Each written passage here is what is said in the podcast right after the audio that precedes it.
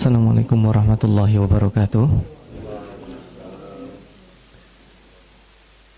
Bismillahirrahmanirrahim Alhamdulillahi rabbil alamin Alhamdulillahilladzi amaddana bi anwa'in ni'am wa faddalana ala sa'iri khalqihi bi ta'limil ilmi wal qur'an Allahumma salli wa sallim wa barik ala sayyidina al-anam sayyidil anam sayyidina Muhammadin sallallahu alaihi wasallam wa ala alihi wa ashabihi wa man tabi'ahu ila yaumiddin amma ba'd Bapak-bapak, ibu-ibu, alhamdulillah pada pagi hari ini Allah Subhanahu wa taala kembali pertemukan kita dalam halaqah tadabbur Al-Qur'an. Pada halaqah yang ke-47 ini insyaallah kita masih akan menadaburi surat Al-Baqarah di akhir-akhir surat. Dan kaitan kita pada kesempatan kali ini setelah kita membicarakan tentang uh, keutamaan bersedekah baik ketika kita mampu untuk mempublisnya ataupun ketika kita mampu untuk merahasiakannya itu sudah kita bicarakan kemarin dan pada kesempatan kali ini kita akan membicarakan beberapa hal yang berkaitan dengan riba. Kita buka ayat 275 nanti insyaallah sampai 281. A'udzu billahi rajim. الذين يأكلون الربا لا يقومون إلا كما يقوم الذي يتخبطه الشيطان من المس. ذلك بأنهم قالوا إنما البيع مثل الربا. وأحل الله البيع وحرم الربا. فمن جاءه موعظة من ربه فانتهى فله ما سلف وأمره إلى الله. ومن عاد فأولئك أصحاب النار هم فيها خالدون. Ketika ayat sebelumnya orang-orang yang berinfak dalam keadaan rahasia, dalam keadaan terang-terangan, siang dan malam hari, maka Allah berikan uh, ganti dan pahala yang kemarin sudah kita bicarakan. Maka pada kesempatan kali ini Allah memberikan permisalan lain dan kata-kata seperti ini jarang dipakai oleh orang Arab. Jadi dimulai dari yang. Nah, alladzina ya'kuluna riba. Jadi yang mereka yang memakan riba. Dan bahasanya di sini adalah continuous ya. Jadi riba itu bentuknya sama dengan obat-obatan. Membuat orang ketagihan. Dan salah satu ciri-ciri maksiat itu juga demikian. Sekali kita berbuat maksiat, maka hati kita di situ ada noktah. Disebut dalam uh, juz 30 itu rona. Itu nokta kalau seandainya kita lakukan lagi dan ketika sudah beberapa kali maka akan terbiasa. Maka di sini bahasa alladzina ya'kuluna riba itu orang-orang yang kehidupan hariannya senantiasa berhubungan dan berkaitan dengan riba. Itu yang pertama. Yang kedua, alladzina ya'kuluna riba bahasa yang dipakai adalah al-akl, makan. Padahal kalau kita pikir-pikir Orang berbuat riba atau mencari keuntungan itu tidak untuk makan. Biasanya Orang melakukan riba itu karena terpancing untuk kebutuhan-kebutuhan yang tidak primer. Betul ya? Biasanya itu ya. Tapi kenapa di sini kata-katanya akal? Karena akal itu adalah uh, yang utama, pertama. Kalau kita mau jujur kalau orang hidupnya hanya untuk makan saja, mungkin dia tidak akan macam-macam. Ya, ya buat makan kita pasti ada aja ya. Nah, asal orangnya tidak neko-neko, tidak macam-macam, insya Allah dia untuk hidup makan saja selesai. Tapi justru yang membuat seseorang melakukan riba, dia adalah untuk melipat gandakan hartanya. Lalu kenapa Allah Subhanahu wa taala di sini um, memberikan bahasa yakulun yang berarti makan itu karena makan itu tidak hanya berkaitan dengan seseorang memasukkan ke dalam mulutnya. Jadi aktivitas makan riba ini include yang lainnya. Itu yang pertama. Yang kedua, memperkaya atau yakulun riba itu bisa untuk dirinya, bisa untuk orang lain dan mobil khusus keluarganya.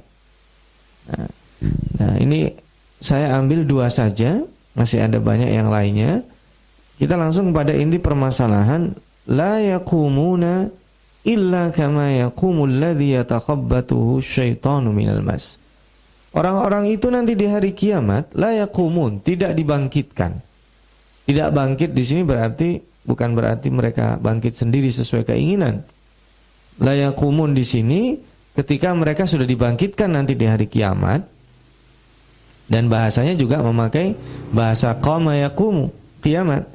Illa kecuali mereka nanti dibangkitkan kama nah ini dia harusnya kan illa kaman. Jadi kama yakumul ladzi yatakhabbatuhu syaitanu minal mas. Dipermisalkan orang tidak ada artinya. Jadi harusnya kan illa kaman. Kecuali seperti orang. Tapi kecuali seperti sesuatu yang berdiri tidak ada artinya Kenapa? Karena orang yang berdiri itu ya tahabbatuhu syaitanu minal mas. Seperti orang yang gila. Yang gilanya itu bukan karena stres tapi karena syaitan. Dikana gila yang disebabkan oleh sihir dari syaitan. Ini disebut dengan ya tahabbatu syaitanu minal mas. Ini menurut jumhur mufassirin.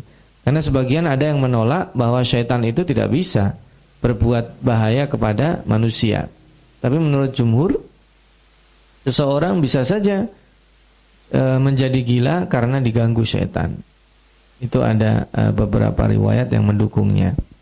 Mungkin kita tidak akan bicara banyak tentang setan karena tema kita riba, kecuali tema kita tentang tentang setan. Jadi orang yang nanti di hari kiamat itu dibangkitkan, jalannya itu kayak orang mabok, nah, itu ciri-ciri itu biasanya.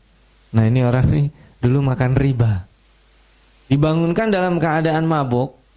Kemudian ditanya, eh mau ke mana? Oh saya sudah makan misalnya. Nggak nyambung dengan pertanyaan dan jawabannya tidak nyambung. Orang-orang ini menjadi hina di depan masyarakat. Orang-orang ini nanti di hari kiamat itu dijauhi orang.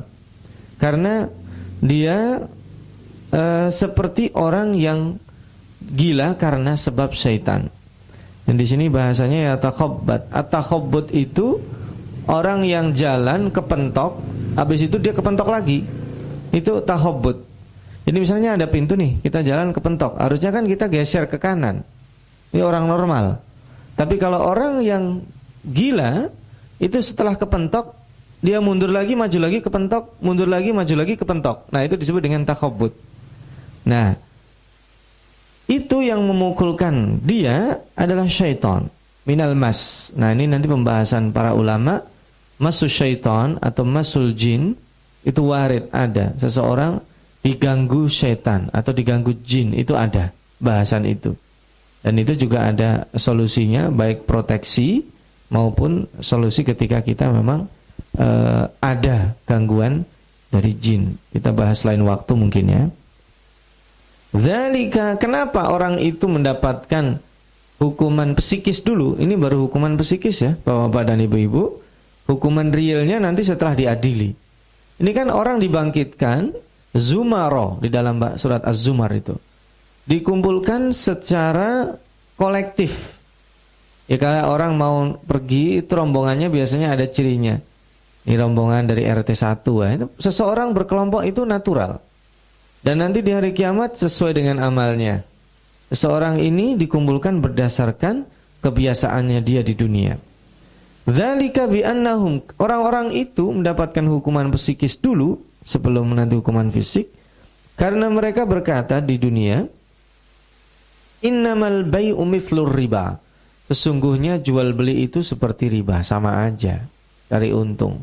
Dalam bahasa Arab ini disebut dengan at-tashbih al-maqlub jadi permisalan yang dibalik. Harusnya kan mereka mengatakan sesungguhnya riba sama kok dengan jual beli. Harusnya gitu. Nah, harusnya ketika mereka kenapa kamu makan riba? Oh enggak loh, riba sama kok dengan jual beli. Itu kalau tasbih yang normal, permisalan yang normal. Tetapi di sini dibalik. Sesungguhnya jual beli itu sama dengan riba. Kenapa? Sama cari untungnya, kata mereka. Padahal lain. Jual beli itu untungnya karena saling ridho. Ya kan orang jual beli nggak ada yang misalnya oh saya jual ini nggak cari untung, oh nggak mungkin. Malah justru kita bohong, jualan kita cari untung. Tetapi riba lain. Riba itu menekan. Riba itu memaksa. Riba itu membuat seseorang terjebak dalam hutang. Dan hidup kita ini banyak kalau kita tarik di dalam kehidupan konvensional sekarang itu yang berkaitan dengan akad malia, hubungan e, finansial yang berkaitan dengan riba sangat banyak. Tapi bukan berarti kita tidak bisa berlepas diri, bisa kita. Nah, ini e, perlu siasat ya, nanti dalam dalam teknisnya bisa kita kembangkan. Nah, jadi mereka terbalik. Harusnya mereka mengedepankan riba seperti jual beli, tapi enggak kok. Jual beli yang kalian bilang halal itu sama kok dengan riba. Jadi menyamakan perbuatan orang lain dengan perbuatan dirinya yang kotor. Nah, itu ciri-ciri orang yang sudah underestimate. Jadi ketika dia ngelihat orang baik, ah dia mah sama dengan saya, gitu. Harusnya dibalik, saya sama dengan dia, gitu. Itu masih mending kalau seseorang ngomong demikian. Tapi kalau orang lain yang baik itu disamakan dengan dirinya yang buruk itu sudah uh, tidak uh, tidak tidak fair. Sama dengan seperti ini tempo hari kita membicarakan. Tidak ikhlas itu tidak baik di dalam bersedekah. Tetapi yang lebih buruk dari itu adalah menuduh orang lain tidak ikhlas. Itu. Kita zaman sekarang masih apa orang yang tidak korupsi. Nah, itu. Jadi menyamakan orang-orang yang punya keinginan baik sama dengan dirinya dan adat yang dia hidup di sekitarnya. Itu ciri-ciri orang yang tidak memiliki ruh, spirit ingin memperbaiki lingkungan. Jadi dianggap semuanya buruk. Sementara wa ahallallahu al-bai'a wa harrama riba. Ini counter langsung. Allah menghalalkan bai, jual beli dan mengharamkan riba. Faman ja'ahu mau'izah Barang siapa yang sudah datang kepadanya mau idoh, peringatan, pelajaran, pengingat min rabbihi fantaha dan dia sudah selesai falahu ma salaf. Maka udah yang lewat sudah lewat. Wa amruhu ilallah dan diserahkan kepada Allah. Wa man ada orang yang kembali berinteraksi dengan riba faulaika ashabun narihum fiha khalidun. Jadi ini nanti kita membicarakan riba di, di periode terakhir ya. Nanti kita jelaskan ketika sudah sampai di uh, ayat beberapa ayat berikutnya. Yamhaqullahu riba wa yurbis sadaqat. Allah al-mahq itu rusak. Allah rusak itu riba dan Allah tumbuhkan sadaqat. Wallahu la yuhibbu kulla kaffarin athim al-mahak itu kerusakan yang dampaknya luar biasa. Jadi orang yang berinteraksi dengan riba barangkali dia dapat mengumpulkan harta berlipat-lipat. Tetapi kelipatan harta tersebut tidak menjadikannya itu nyaman. Bisa jadi dia akan diperbudak dengan harta sehingga dia hidupnya untuk mencari uang. Jadi kita jangan bangga kalau seandainya uang itu banyak kita bisa mengumpulkan. Jangan-jangan kita diberbudak uang. Setiap hari di otak kita melipatkan uang kita. Jadi otaknya itu cuman saya hari ini punya 10, gimana cara cara supaya menjadi 20? Gimana caranya jadi 30? Setelah jadi 30 dia berpikir lagi gimana caranya dapat 60. Dia hobinya hanya ngumpulin duit. Sementara nanti ada dalam lingkungannya dalam orbit pergaulan dia ada orang yang hobinya ngabisin duit. Bisa jadi anaknya, bisa jadi istrinya, bisa jadi kakaknya, bisa jadi orang tuanya, bisa jadi kliennya yang lainnya. Dia ditipu bisa jadi. Nah, orang-orang seperti ini itu bisa kalau dia mengumpulkan harta tidak benar, Allah hancurkan dengan cara yang luar biasa, membuat dia menyesal. Nah, sementara orang yang sodako, yurbi, ini akar katanya sebenarnya sama. Yurbi itu dari riba juga. Cuman riba itu dia tumbuhnya nggak natural, dipaksa.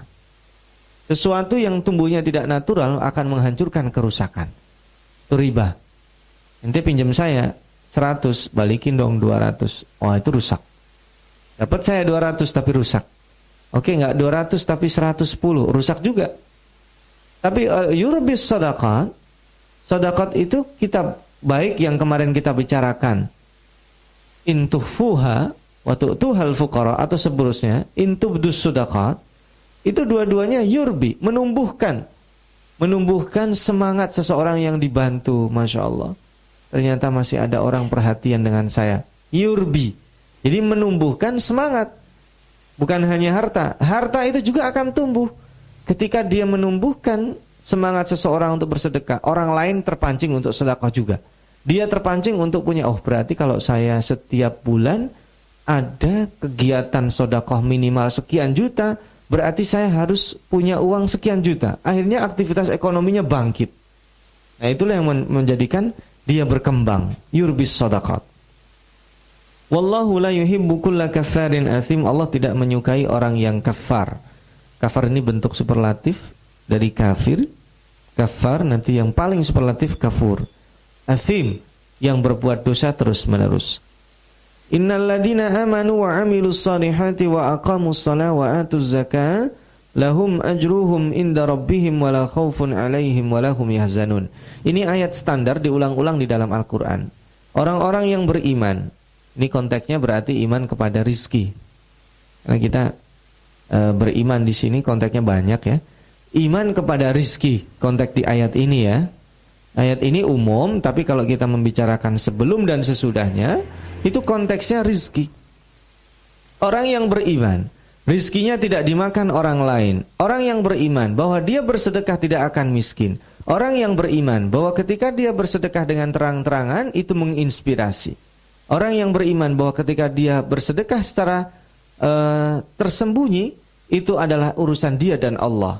Maka orang-orang yang demikian serta merealisasikan keimanan rizkinya tadi dengan perbuatan baik, dengan sodako dan proyek-proyek kebaikannya, serta dia tetap mendirikan sholat dan menunaikan yang wajib, zakat itu wajib, lalu dia menambah dengan sodako, lahum ajruhum. Jadi Allah tidak memerlukan sama sekali dari harta yang kita keluarkan. Inda rabbihim, semuanya ada di sisi Allah, dan wala khaufun alaihim walahum yahzanun, ini juga standar, melepaskan dari dua hal yang ditakuti manusia. Yang Pertama ketakutan terhadap masa depan, yahzanun kesedihan masa lalu. Nah, 287 ayat berikutnya itu periode pengharaman riba yang terakhir. Jadi periode pengharaman riba itu terjadi empat kali. Yang pertama Allah sindir. Nah, bukti sindirnya adalah bahwa eh, maaf tiga kali ya, eh, tiga atau empat kali. Yang pertama dan kedua itu Allah tidak terang-terangan mengatakan riba itu haram. Jadi yang pertama paling halus empat kali kalau kita sebut periodenya empat bahwa harta itu tidak tumbuh karena riba itu pernah disinggung Allah. Tapi orang kalau tidak jeli tidak tidak ada e, merasa bahwa itu singgiran.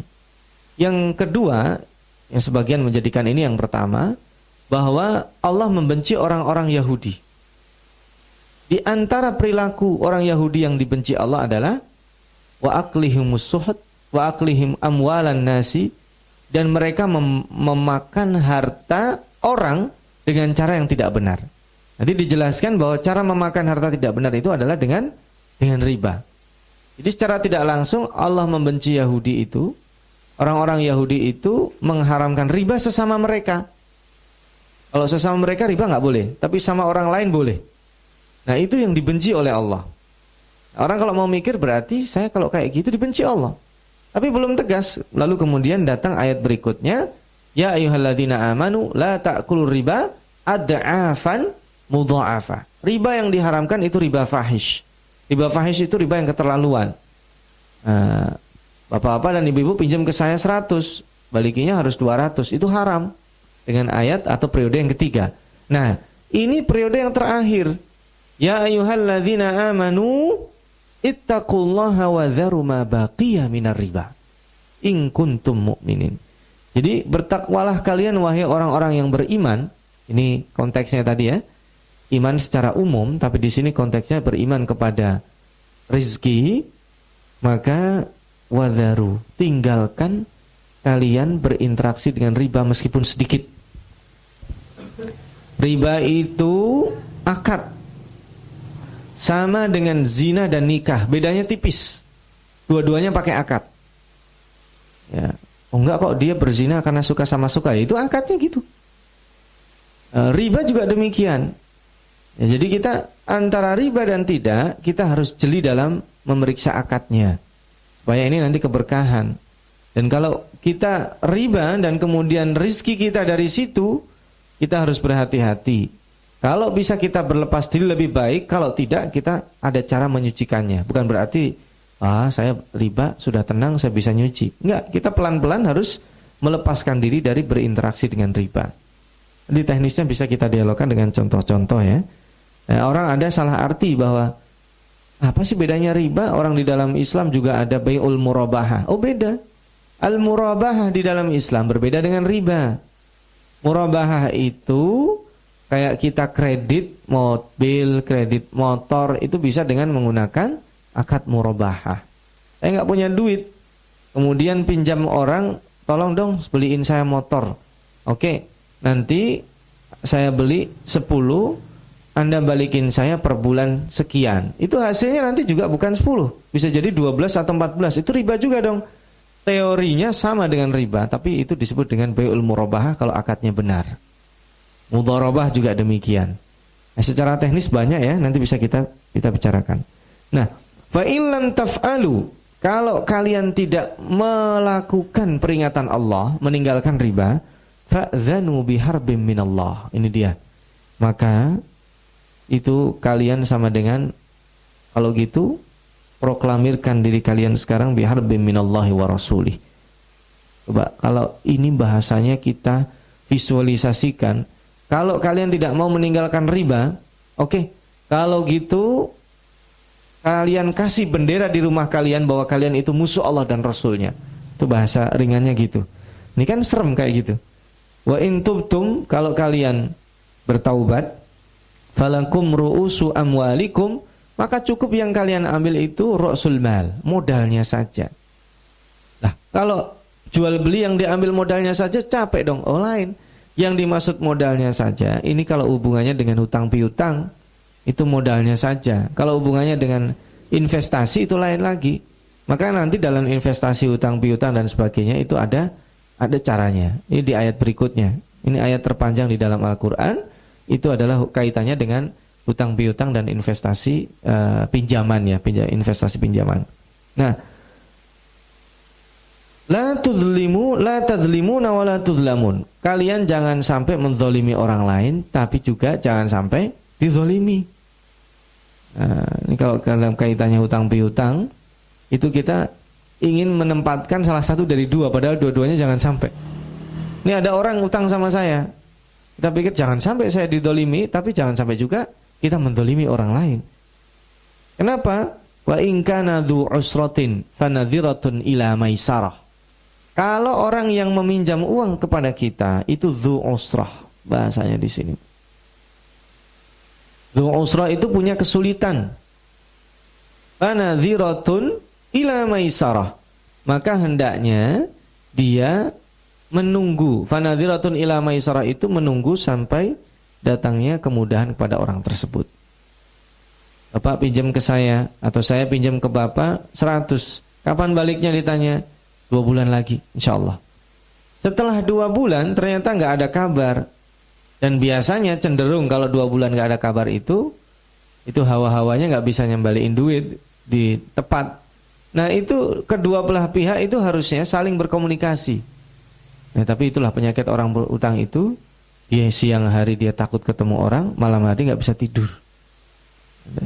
Padahal ketemu orang biasa aja, oh dia udah horor, wah jangan-jangan saya ditagih. Padahal nggak juga. Bisa jadi yang punya piutang itu nggak punya ke situ. Tapi dia mau bertemu tidak punya nyali. Nah, maka ketika misalkan dalam dua bulan itu dia tidak bisa, harusnya dia gentle dengan dengan berani dia katakan mohon maaf, saya tidak bisa karena bla bla bla. Harusnya gitu. Sebaliknya dalam orang yang piutang tersebut, kalau dia punya mental juga ngingetin. Itu bagian dari uh, saling mengingatkan bahwa dia sudah saatnya mengembalikan hutangnya. Nah, tapi ini paling berat terus terang. Dua hal ini berat untuk dua-duanya. Kita punya hutang, jatuh tempo itu berat untuk menyampaikan tidak bisa. Lebih baik apa biasanya kita lakukan? Menghindar. Itu biasanya. Yang hutang juga demikian, segan. Mau nagih gimana? Apalagi kalau yang punya piutang itu adalah orang dia saat itu perlu duit, biasanya dia andelin. Kan gitu kita. Uh, kita mau punya ini, ah dua bulan lagi nih insya Allah duit di, di dia ada. Ngandelin orang yang uang tidak ada di tangan dia. Uh, nah ternyata yang diandelin itu nggak ada. Coba apa yang kita lakukan? Berat. Nah itu makanya piutang hubungan uh, malia interaksi keuangan itu juga merupakan uh, salah satu uh, barometer keimanan seseorang. Dia ini amanah atau tidak. Itu di bisa dilihat dari interaksi keuangannya. Tapi kata Allah, wa anta saddaku khairul lakum in kuntum ta'lamun. Kalau kita tahu orang yang berhutang kepada kita ini ternyata usrohnya itu lebih parah. Dari kita bayangkan, oh, udahlah kita sedekahkan aja, itu lebih baik.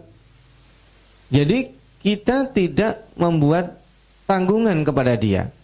Karena ada sebuah hadis ya, orang-orang yang syuhada itu dijamin masuk surga mendapatkan jaminan Allah kecuali orang syuhada itu punya hutang. Meskipun dia mati syahid, punya hutang digantung dulu. Makanya hutang piutang itu penting diselesaikan. Kalau ada orang meninggal, itu ahli, ahli warisnya itu langsung segera take over. Langsung harus dicek orang ini punya hutang piutang atau tidak. Oke lah punya piutang yang bisa diurus diurus, kayak nggak bisa diikhlaskan saja. Tapi hutang itu penting harus diklirkan bahwa mayat ini itu tanggungannya sudah berpindah ke ahli waris. Dan orang yang punya urusan sebisa mungkin secepat mungkin diselesaikan. Karena dengan kita menyedekahkan hutang kita, piutang maksud saya, itu lebih baik in kuntum ta'lamun ketika kita tahu faidah dari bersedekah. Jadi ini Allah memberikan uh, baru ya wawasan baru cara bersedekah kita kan banyak ya. Ada yang terang-terangan, ada yang tersembunyi, ada yang wajib, ada yang sunnah. Ini apa sedekahnya jenisnya? Ada yang awalnya kita tidak niati sedekah, tapi kemudian di tengah jalan kita dekati sedekah. Bukan karena terpaksa, karena kita dalam tanda kutip kasihan. Udah kita sedekahkan. Tapi jangan sampai ditarik lagi. Eh ternyata tiga hari lagi saya butuh duit. Ah nggak jadi dah saya sedekahkan, saya tarik lagi. Nah itu urusan kita sama Allah. Nah, Nah, maka kemudian ayat yang terakhir kita tadaburi. Nah, ini ayat yang kita tadaburi terakhir ini 281 itu menurut sebagian mufassirin dan ya, ini yang pendapat yang paling benar, paling benar menurut referensi yang Al-Fakir ketahui, itu ayat terakhir yang turun. Kita sering sering mengatakan bahwa ayat yang terakhir turun itu adalah al-yauma akmaltu lakum dinakum. Padahal itu masih tiga bulan, Rasulullah masih hidup selama tiga bulan. Kemudian ada yang bilang ayat yang terakhir itu adalah idaja nasrullah, itu juga masih lama. Kemudian beberapa ayat lainnya ada banyak ya. Nah, yang di antara pendapat yang mengatakan bahwa ayat yang terakhir turun itu ini. Ayat ya, bukan surat ya. Itu wattaqu yauman turja'una fihi ila Allah, thumma tuwaffa kullu nafsin ma kasabat wa hum la yuzlamun. Pertama kandungan dahsyatnya ayat ini yang kedua, ayat ini berkaitan dengan tema yang kita bicarakan. Jadi kalian orang-orang yang beriman, ini masih orang beriman. Takutilah, waspadalah satu hari yang kalian kembali ke sana. Bahasanya turja'una fihi ilallah. Nah, jadi turja'una fihi ilallah itu maknanya dalam. Kenapa tidak dikatakan misalkan turja'una ilallahi Idzalikal yaum atau fihi. Turja'una fihi itu penekanannya kepada hari itu. Pada dalam otak kita, ada suatu hari nanti saya nggak punya duit. Ada suatu hari nanti saya tidak bisa membawa apa-apa. Sebuah hari di lain kesempatan saya pernah menceritakan ada seorang yang kaya raya. Orang kaya raya ini dia singkat cerita dalam sakaratul mautnya ini memiliki pesan kepada anak-anaknya wahai anak-anakku, tolong nanti kalau saya meninggal, saya ingin dipakein kaos kaki. Carilah kaos kaki yang paling fenomenal punya ayah. Ini orang kaya raya sekali.